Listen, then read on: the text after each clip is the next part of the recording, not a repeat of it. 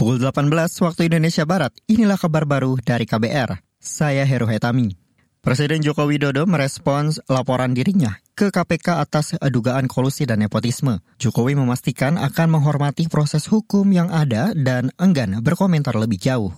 Ya, itu kan proses demokrasi di bidang hukum.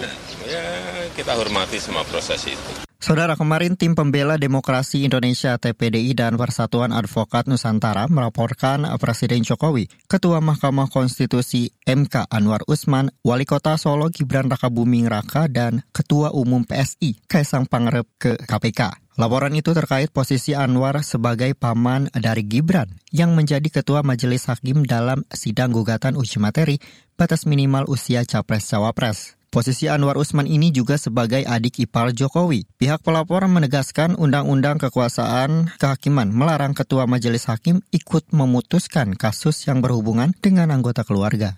Kita ke informasi selanjutnya, Saudara. Ketua Mahkamah Konstitusi MK Anwar Usman berkomitmen mendukung Majelis Kehormatan Mahkamah Konstitusi MKMK bekerja secara independen. Ketua Mahkamah Konstitusi MK Anwar Usman mengatakan MKMK tidak boleh mendapat intervensi dari siapa pun, termasuk dirinya. Itu disampaikannya usai melantik tiga anggota MKMK hari ini Salah satunya Hakim Konstitusi Wahidudin Adams. Saya sekali lagi memberikan dukungan agar Majelis Kehormatan dapat bekerja secara independen, imparsial, dan tidak boleh diintervensi oleh siapa pun, termasuk saya sebagai Ketua Mahkamah Konstitusi maupun para Hakim Konstitusi lainnya kepercayaan penuh kepada Majelis Kehormatan untuk bekerja semaksimal mungkin merupakan bagian dari tanggung jawab etis saya sebagai ketua lembaga sekaligus sebagai insan konstitusionalis. Ketua Mahkamah Konstitusi Anwar Usman mengatakan sejauh ini ada 10 laporan yang ditujukan kepada Hakim Konstitusi. Salah satunya dugaan konflik kepentingan Ketua MK Anwar Usman terkait hasil gugatan batas usia Capres dan Cawapres. Sementara itu, anggota MKMK Wahidudin Adams berkomitmen akan independen dalam memutuskan hasil pemeriksaan laporan tersebut dan tak segan menjatuhkan sanksi berat berupa pemecatan.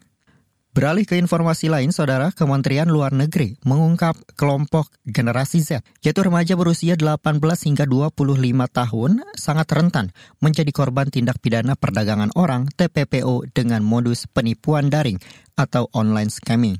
Kepala Subdirektorat Kelembagaan dan Diplomasi Perlindungan Direktorat Perlindungan WNI di Kementerian Luar Negeri, Fajar Nuradi mengatakan, target korban penipuan daring kini banyak menyasar kelompok terpelajar bahkan mahasiswa strata 3. Umumnya sebelum join di perusahaan online scam, mereka dalam posisi pencari kerja. Ada yang fresh graduate, ada yang sudah lulus cukup lama, kemudian mungkin berhenti dari tempat bekerja dan mencari kerja. Dan kelompok menengah yang sudah dalam kondisi tingkat ekonomi yang menengah, hanya mungkin sedang mencari tantangan baru, bekerja di luar negeri, kemudian melihat syaratnya mudah, tanpa berpikir panjang, kemudian langsung mendaftar dan terjerat di perusahaan online scam.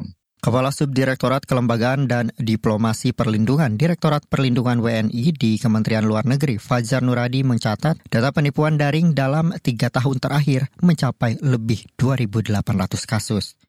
Pukul 18 waktu Indonesia Barat, inilah kabar baru dari KBR. Saya Heru Hetami.